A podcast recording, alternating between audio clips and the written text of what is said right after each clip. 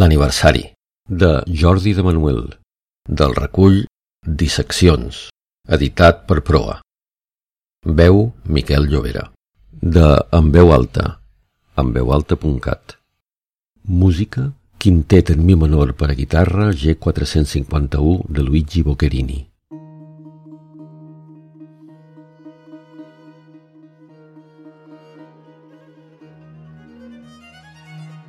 En arribar al trencant, la carretera s'eixamplava i vaig conduir el vehicle cap al carril de gir del mig.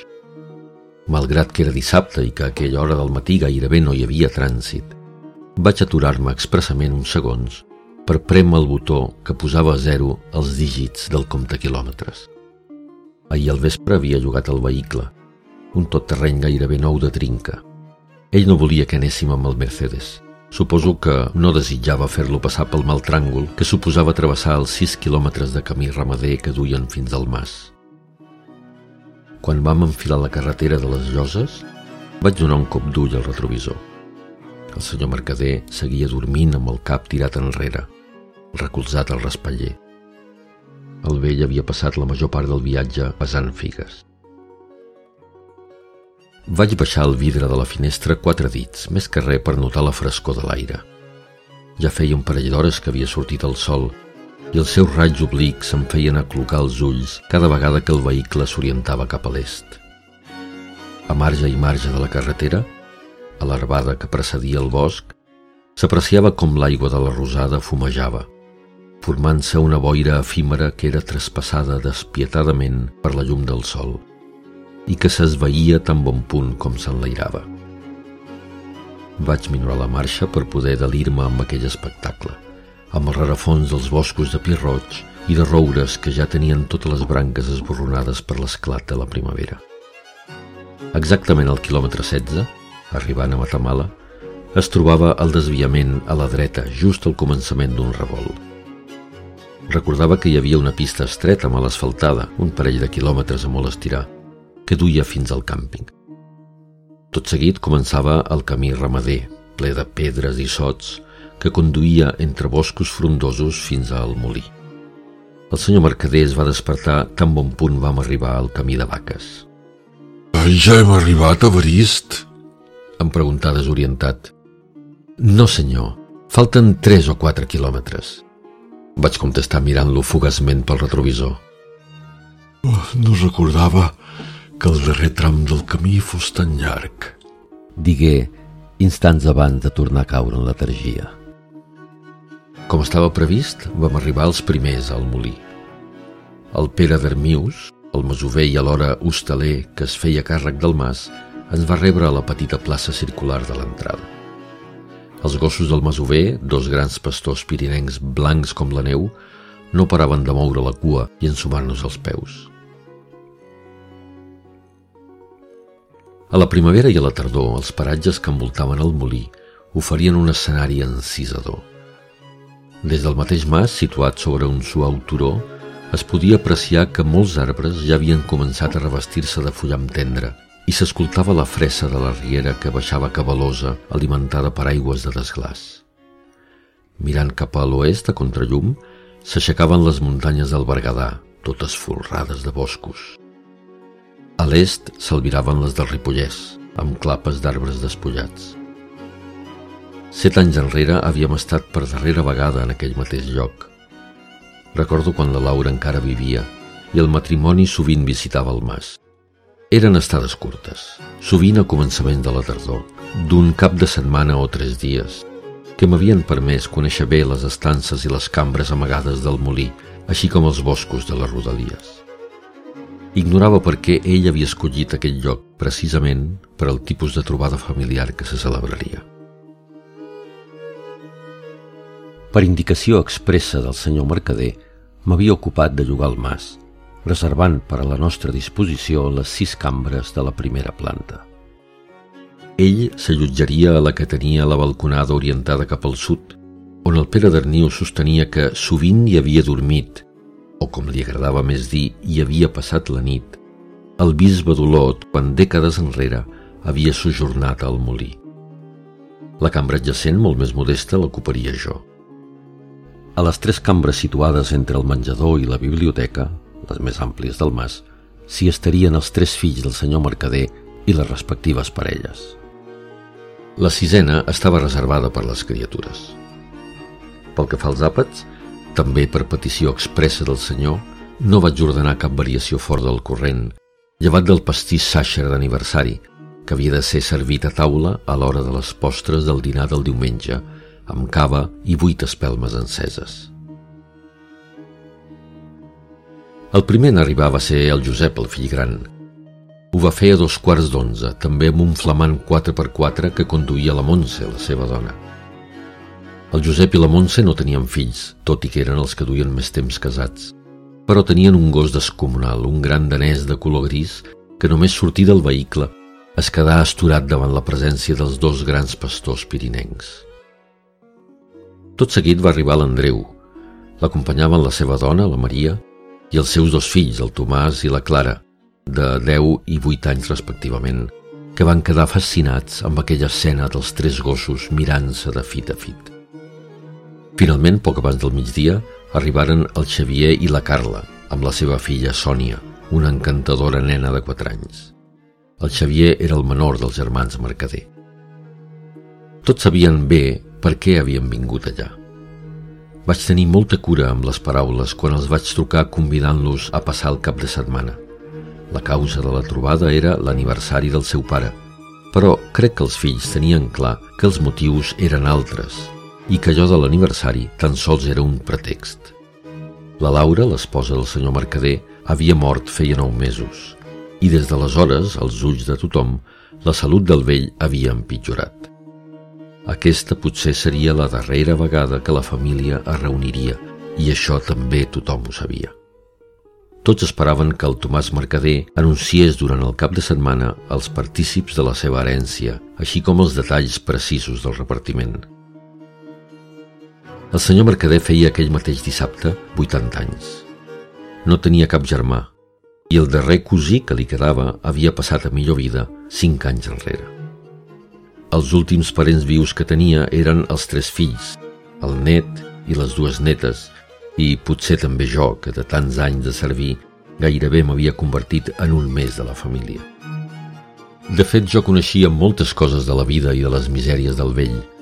Sabia com era i no esperava gaire res d'ell.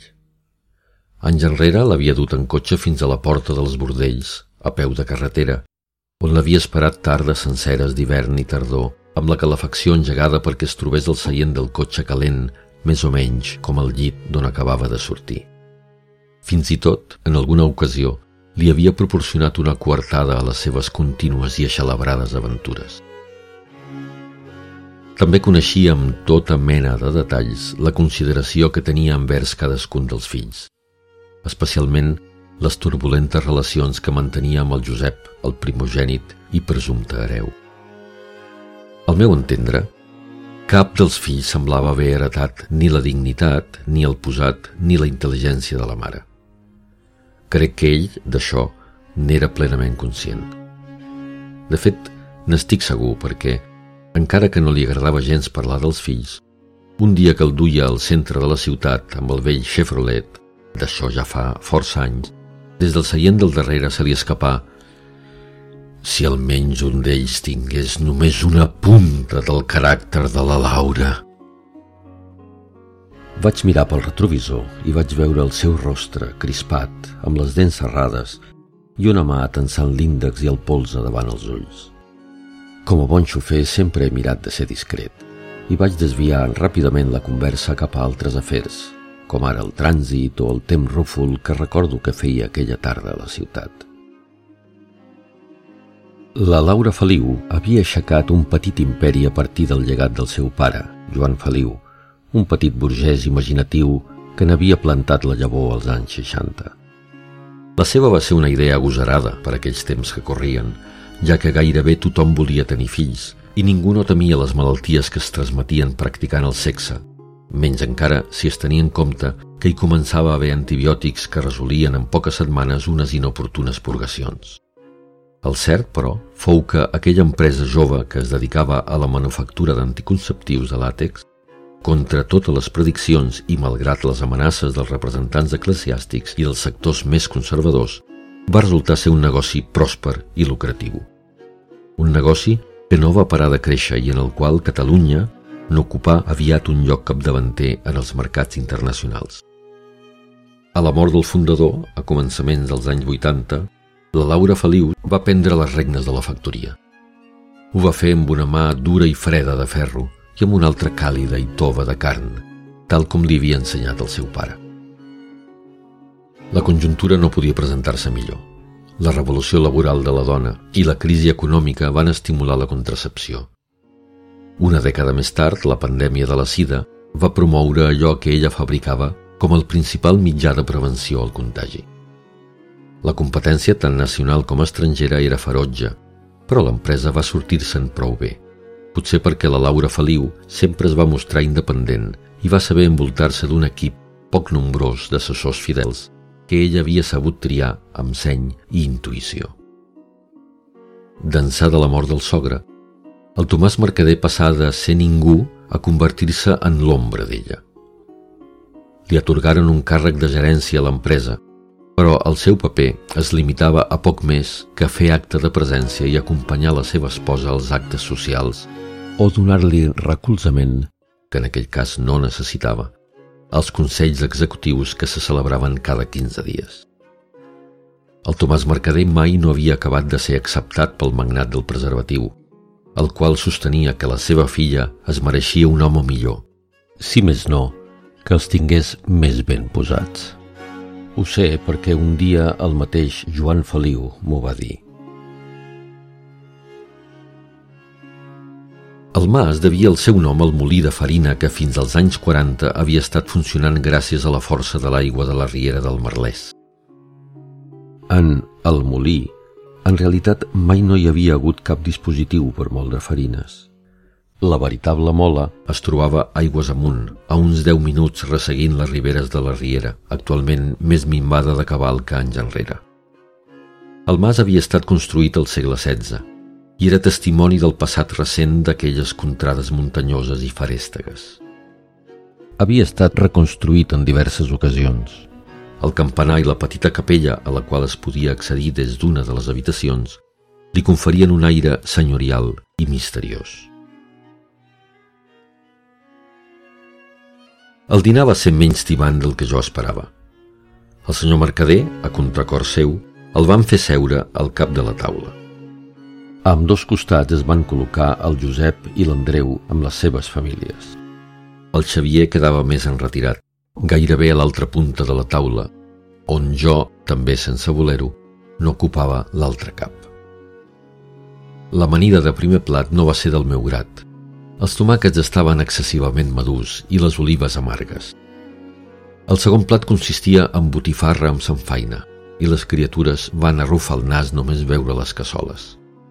Pere Darnius va oferir-los com a alternativa pollastre arrebossat amb patates. Les postres eren sempre la part de l'àpat més exquisida del molí. Per això vaig deixar forat i vaig menjar només mitja botifarra, una llesca de pa de pagès, de les petites, sucada amb tomàquet i un got de vi negre.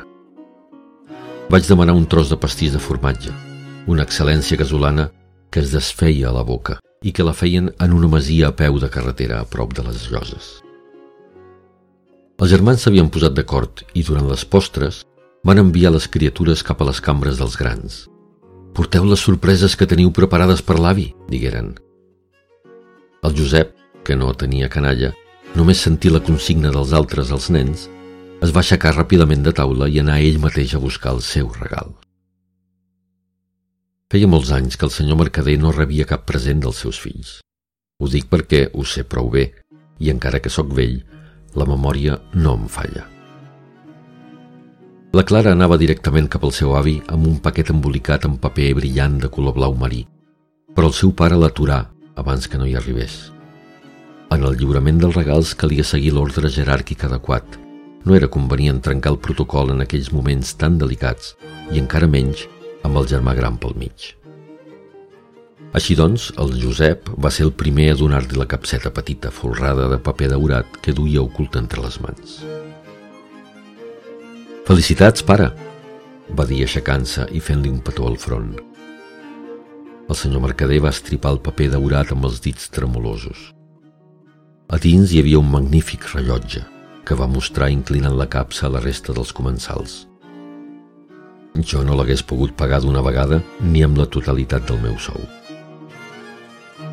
E és... és preciós, fill, balbucejar emocionat. Tot seguit, l'Andreu va deixar anar la seva filla, que gairebé va caure amb el paquet que duia a sobre l'avi. Per tu, avi, és una bata i unes sabatilles, digué entusiasmada la nena. El pare va fer la intenció de tapar-li la boca, però la seva dona el va aturar. Encara estava traient el paper que embolicava una bata de seda de color blau i unes sabatilles de pelfa, quan el Tomàs, l'altre fill de l'Andreu, li va plantar sobre el pit un paquet amb un llaç i una enganxina que duia retolat per molts anys.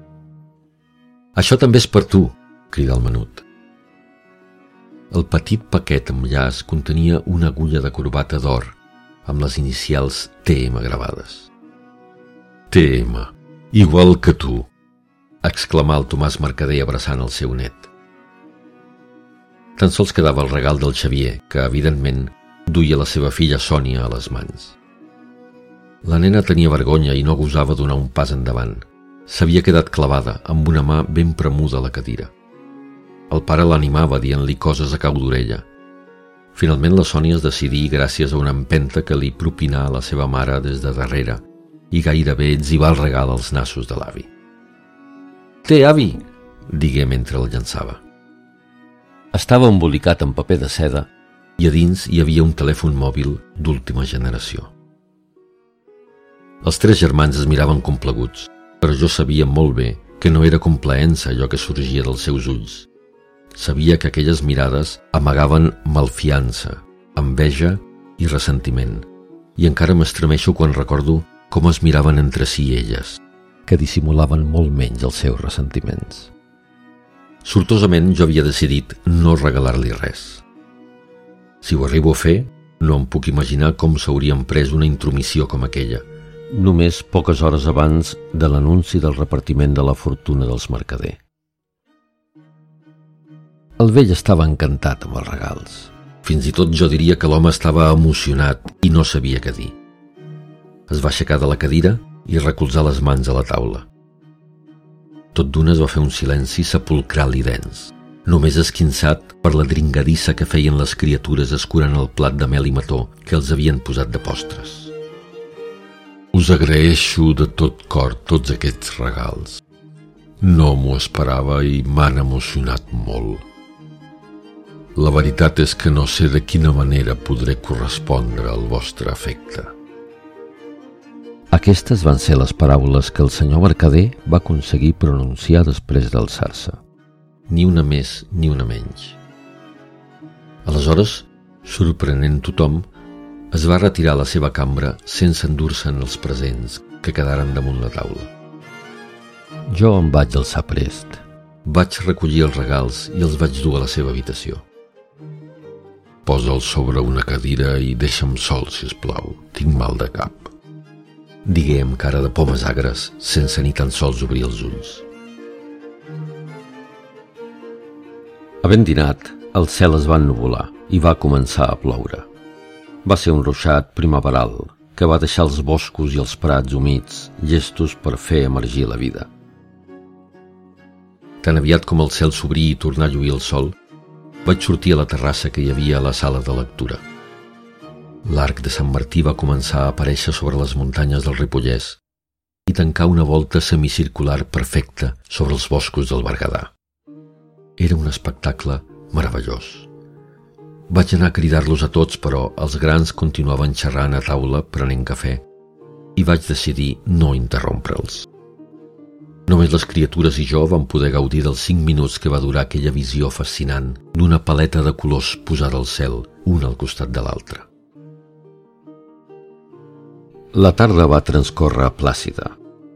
Jo vaig proposar als infants d'anar a veure els cavalls que en Pere d'Arnius ensinistrava en un petit picador. A França tinc un net de 9 anys que només veig molt de tant en tant i sempre m'ha agradat la companyia de les criatures. Després de tocar els cavalls i donar-los menjar, vam anar a fer un passeig fins a la riera. Vam arribar fins al molí, vull dir el veritable molí, on hi ha la gran mola de pedra escardada i inert. Pel camí van trobar-nos amb un ramat dispers de vaques que pasturaven entre les capes d'herba que esquitxaven els boscos d'un verd més clar. Cap dels tres infants no havia vist mai una vaca de debò. Només les havien vistes als llibres o a la televisió.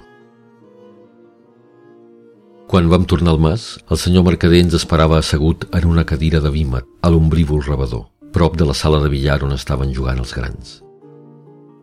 No vaig saber on eren les dones, però dubtava molt que estiguessin juntes. Em volies prendre els nets, com que tu no en tens, bromejar amb un somriure entremaliat al vell. Hem vist vaques, avi, digué la Clara i també el molí d'aigua, afegia el Tomàs. Veig que ja els ho has ensenyat tot, vell avarist. Era la primera vegada que em deia vell, ell que tenia deu anys més que jo i la salut més precària. El sopar va esdevenir tranquil, lleuger i casolà. De primer plat vam menjar una sopa de galets mig submergits en brou de pollastre. De segon van prendre peix fregit, lluç, acompanyat amb fulles d'enciam i trossos de ceba. Les criatures van tornar a protestar i la Marta, la dona del Pere d'Arnius, els va oferir llom a la planxa amb patates fregides. El senyor Mercader no va dir ni una sola paraula durant el sopar i vaig poder veure que havia begut més vi del que era aconsellable pel seu estat de salut. Va abstenir-se de prendre cafè i, en lloc d'això, demanar una infusió de valeriana. Jo, en canvi, vaig fer un cafè ben carregat. Prendre'l després de sopar sempre em desvetllava i aquella nit em calia tenir els ulls ben oberts. Certament, encara que hagués desitjat dormir, gairebé no vaig poder fer-ho. La meva cambra estava enmig de la del senyor Mercader i de la que ocupaven el Josep i la Montse. Per desgràcia, el meu llit estava orientat de manera que el cap em quedava a tocar la paret de l'habitació d'ells. En la quietud, la nit al molí era absolutament silenciosa, fosca, plàcida. Per això va ser desagradable haver de sentir els esbufecs de l'home i els gemecs aguts d'ella, però encara va ser molt pitjor escoltar la conversa que van mantenir després d'haver-se desfogat. Les parets eren gruixudes, però no prou per apaivagar aquelles veus furtives. Mai no l'hauries d'haver deixat arribar tan lluny. El veig molt estrany, com absent. No, dona, no. Està com sempre, tan sols una mica més decrèpit. ja ho veuràs. Encara se'n desdirà i ens tocarà la pitjor part. Què vols que hi faci, que el mati? No sabem que hi ha escrit el testament. No em puc refiar de l'últim que em va dir. I si fos cert, i demà se'n desdiu, Tu estàs boja, dona, completament boja. En aquell precís moment vaig sentir un cop, com si la dona li exhibés una trompada o alguna cosa que digués a terra. Vaig contenir la respiració, però no vaig aconseguir sentir res més. Una estona més tard, només se sentien els roncs irregulars del Josep que travessaven la paret sense pietat. Com que estava completament desvetllat, em vaig alçar del llit i vaig obrir els finestrals. Em vaig recolzar a l'àmpit i vaig observar el cel tot clivellat d'estrelles. Dissortadament, la claror de la lluna en quart minvant no em permetia veure el firmament amb tota la seva esplendor. Un soroll lleu al passadís em va fer sortir ràpidament de l'encís en què em trobava. Vaig anar cap a la porta i la vaig entreobrir molt lentament. Amb la tènua llum de la lluna que entrava per la balconada del fons del passadís, vaig poder veure la silueta. Duia una cosa gran agafada en una mà, potser era un coixí, i anava directament cap a la porta de la cambra del senyor Mercader. Vaig notar com se m'afablien les cames i vaig sentir una fredor al clatell que s'estenia cap a l'esquena. La silueta es vinclà damunt la porta i amb la mà que tenia lliure va prémer la maneta del bany. Ho va intentar dues vegades però no aconseguia obrir-la. El vell havia tancat amb la balda per dins ell que mai no dormia amb la porta tancada. La silueta negra va romandre uns deu segons pel plantada davant la porta. Vaig confirmar que duia un coixí pel soroll que va fer quan va colpejar el terra amb ràbia. No sabia, però, qui era. Començà a refer el camí. Vaig tancar la porta amb molta cura de no fer soroll i em vaig quedar recolzant les espatlles en ella sense respirar. Vaig notar que l'ombra s'aturava al passadís just davant del meu dormitori i que s'hi estava un parell o tres de segons interminables. Després marxar. No vaig gosar a tornar a obrir la porta i en lloc d'això vaig passar-hi amb cura de no fer soroll la balda que la tancava per dins. No em fa gens de vergonya reconèixer que aquella nit vaig passar por. No vaig saber qui era l'home del coixí, però, això sí, no tenia cap dubte que es tractava d'un home. Per dues raons estava segur, però, que no era el Josep. Primera, perquè no havia deixat de sentir els seus roncs desagradables des que vaig obrir els finestrals. Segona, perquè vaig sentir com aquell individu es dirigia amb pas furtiu cap al passadís on hi havia la cambra de les criatures, probablement per comprovar si dormien. L'esmorzar va ser opíper. Llesques torrades de pa de pagès amb oli, sal i tomàquet, alls, formatges, tendres, secs o envasats amb oli, llet fresca, assortiment d'embotits de la comarca, melmelades casolanes i mató del dia amb mel. Hi havia tal varietat que es feia difícil triar.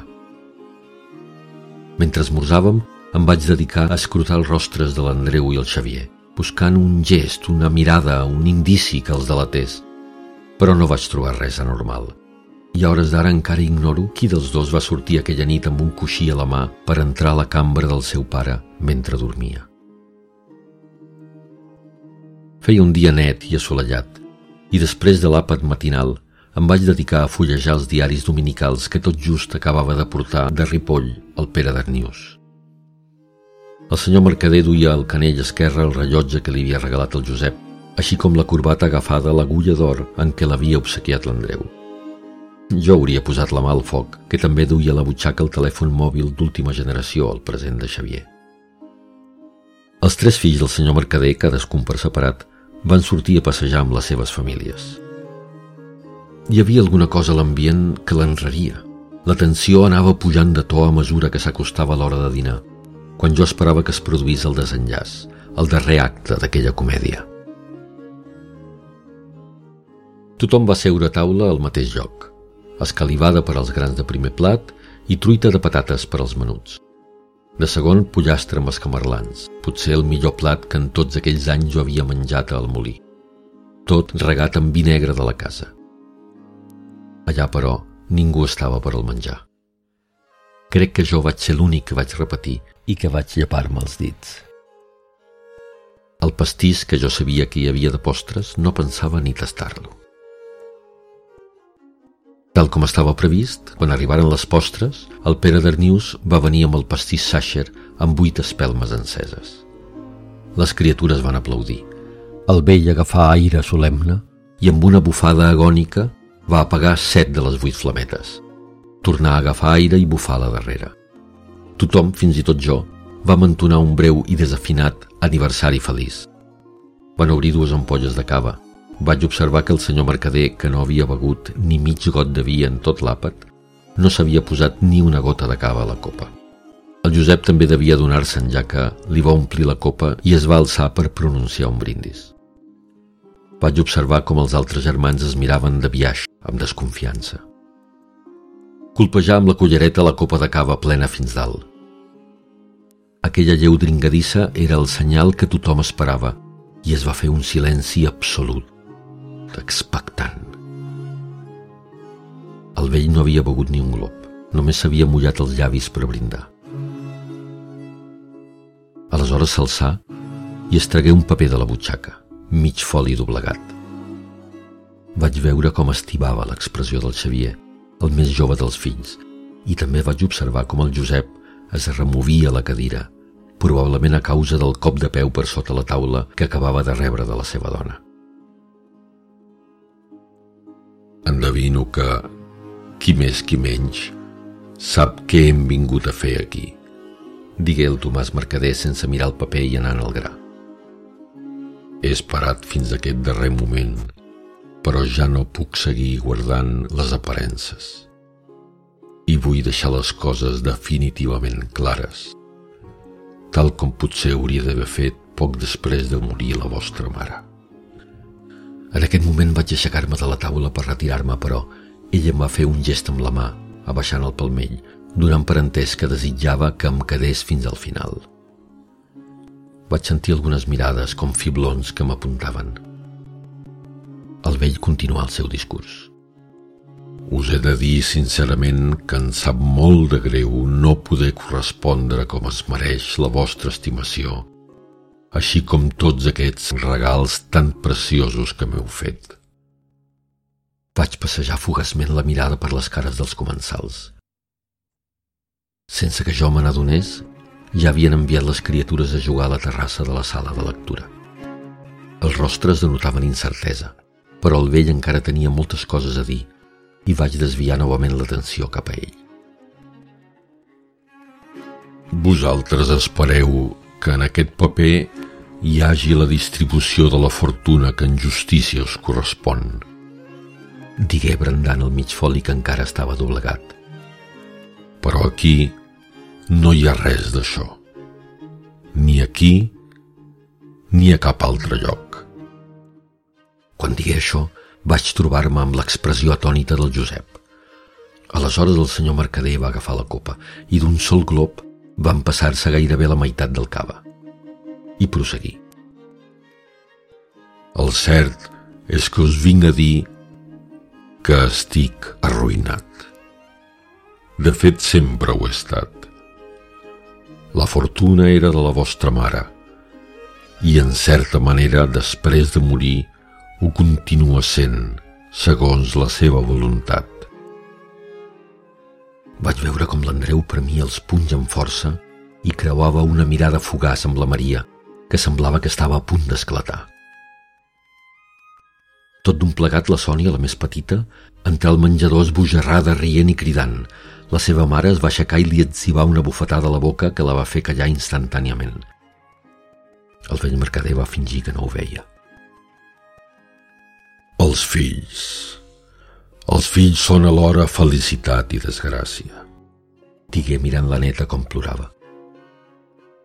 Sabíeu que no sou els únics fills que va tenir la vostra mare? Allò va ser com una fuetada i l'home esperà uns segons abans de continuar. La Laura, la meva estimada Laura, també va tenir una filla, una filla fora del matrimoni. En aquell precís moment es va fer un silenci dens, només esquinçat per la copa plena de cava que li caigué damunt la taula a la dona del Josep. Però ningú no hi parà esment a aquest fet. Ho vaig saber poc abans que ella morís i crec que, si la vostra mare continués viva, encara seria un secret. Tothom té dret als secrets. Digué abaixant el cap mirant la taula i prosseguí. El seu era que havia tingut una filla un any abans que ens caséssim. I jo no comprenc com llavors no vaig adonar-me'n. De fet, la vostra germanastra, a la qual vaig conèixer el dia que vam enterrar la mare, viu a l'estranger i té la seva pròpia família. Aleshores el vell va fer un segon glob de cava i deixar la copa buida damunt el plat de les postres. El paper doblegat encara el duia a la mà. Tot, llevat de l'assegurança de vida que tenia la vostra mare, ho va heretar aquesta filla seva. Així ho havia disposat ella molt abans de morir, amb claretat, al testament. Arribant a aquest punt, la veu se li tornà tremolosa i la mirada se li enterbolí, com si estigués a punt de plorar. Ara veig que potser no vaig ser prou bo ni prou sincer amb la Laura. I aquest és el preu que ens ha fet pagar a tots plegats. Deixar el paper damunt la taula. Creieu-me, No tinc ni un ral per deixar-vos. Ni a tu tampoc, Evarist. Digué, fitant-me els ulls com mai no ho havia fet abans. Fins i tot la casa on sempre havíem viscut, on jo només hi podré viure fins al dia de la meva mort, és propietat de la seva filla. Si he pogut guardar les aparences d'ençà que va morir la vostra mare, ha estat gràcies als diners de l'assegurança. I per què he anat malvenent les pertinences comunes que teníem a casa. L'Avarís no ho sap, però fa una setmana vaig rebre una paga i senyal per vendre el Mercedes. Gràcies a això, he pogut costejar el lloguer del tot terreny i la vostra estada aquí. El Josep s'alçà de la cadira amb un posat desafiant. Panteixava amb dificultat i semblava que estigués a punt del col·lapse. Digue'm que tot és mentida! cridà enfurismat. El vell mercader va aguantar-li la mirada i amb el gest més digne que mai no havia vist en ell es va treure el rellotge que ahir li havia regalat el seu fill i va allargar la mà per tornar-li. Josep, humiliat, se'n va anar. Un instant després la seva dona es va aixecar i també marxar. L'un rere l'altre, els fills i les dones es varen anar retirant del menjador. Ho feien silenciosament, sense acomiadar-se, plens de ressentiment, colpejats i abatuts per la notícia. Jo continuava assegut, amb la meva copa mig plena de cava. No volia perdre detall de tot el que passava. La veritat era que jo no tenia cap motiu per aixecar-me i tocar el dos. A més a més, la meva feina, el deure i el respecte envers el senyor Mercader m'impedia fer-ho. Ell es mantingué dret amb les mans recolzades al marge de la taula, fins que van marxar tots. Aleshores, es deixà caure la cadira i quedàrem només els dos, els més vells, sols, un a cada cap oposat de la taula. Des d'allà vam sentir els gedrucs del gran danès del Josep que devia estar acomiadant-se dels pastors pirinencs. També vam escoltar el brugit dels motors dels cotxes que marxaven. Llevat del gran danès, tothom va anar-se'n d'allà sense acomiadar-se. Vam estar-nos a la taula potser mitja hora, callats, l'un enfront de l'altre. Potser és hora que també nosaltres marxem, no creus? Potser sí, vaig respondre. Aniré a la meva habitació, he d'acabar de recollir les meves coses. El senyor Mercader es va retirar a la seva cambra perquè també havia de fer la bossa. Aleshores jo, que encara seguia al menjador, em vaig atensar amb la copa de cava esbravat a la mà fins a l'altra punta de la taula. Aquell paper doblegat em tenia encuriosit i vaig veure que havia quedat oblidat al costat del rellotge nou i la copa buida del senyor Mercader. Vaig agafar-lo i el vaig obrir. No hi havia res escrit. Era completament blanc, immaculat. Vaig maleir aquella obsessió que ell sempre havia tingut per guardar les aparences fins al darrer moment. Però també vaig admirar com els havia mantingut expectants només amb aquell paper.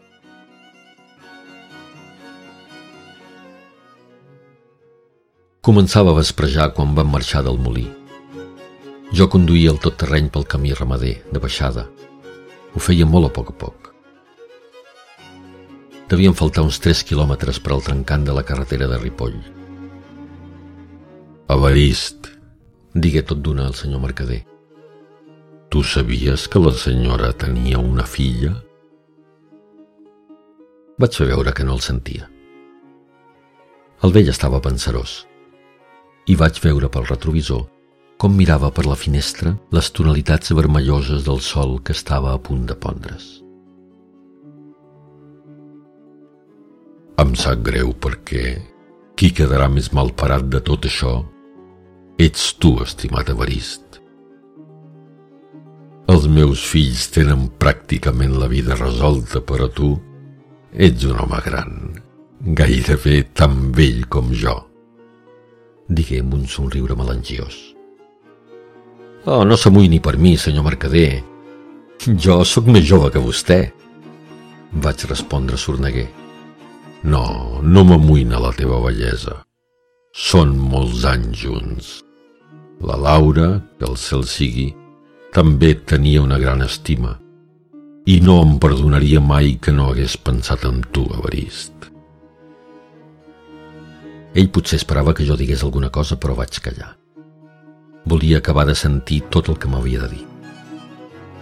Ja sé que no és gaire, Avarist, però he arreglat tot perquè et puguis quedar amb el vell Chevrolet. Has tingut durant tots aquests anys tan bona cura del cotxe que potser el podràs vendre a un bon preu. També una part del que m'han de donar pel Mercedes serà per tu. T'ho prometo, Avarist. Moltes gràcies, però no crec que em faci cap falta, senyor. La veritat és que ja m'ho esperava tot això, sap? De debò? Sí, senyor mercader, ja ho havia dit vostè abans. Són molts, molts anys junts, i jo vaig comprendre que després de la mort de la senyora alguna cosa no havia anat tal com vostè esperava. No. Les coses no van anar tal com jo hauria volgut. Per això mateix, vaig dubtar un moment per escollir el to més adequat per dir-ho. Per això, com ja m'ho esperava, vaig parlar amb la meva filla, que viu a França. Demà mateix m'aniré a viure amb ella. Crec que em vindrà bé un canvi d'aires. A França? digué sobtat ell. Mai no ens ho havies dit que tenies una filla, Avarist. Tothom té dret a tenir els seus secrets. Vaig dir utilitzant les mateixes paraules que ell havia pronunciat referint-se a la Laura Feliu feia unes hores al seu discurs de comiat. Ella té més o menys l'edat dels seus fills i també té la vida solucionada. De fet, crec que la té molt ben resolta vaig assegurar mirant-lo fixament als ulls a través del miratge retrovisor, com mai abans no havia fet.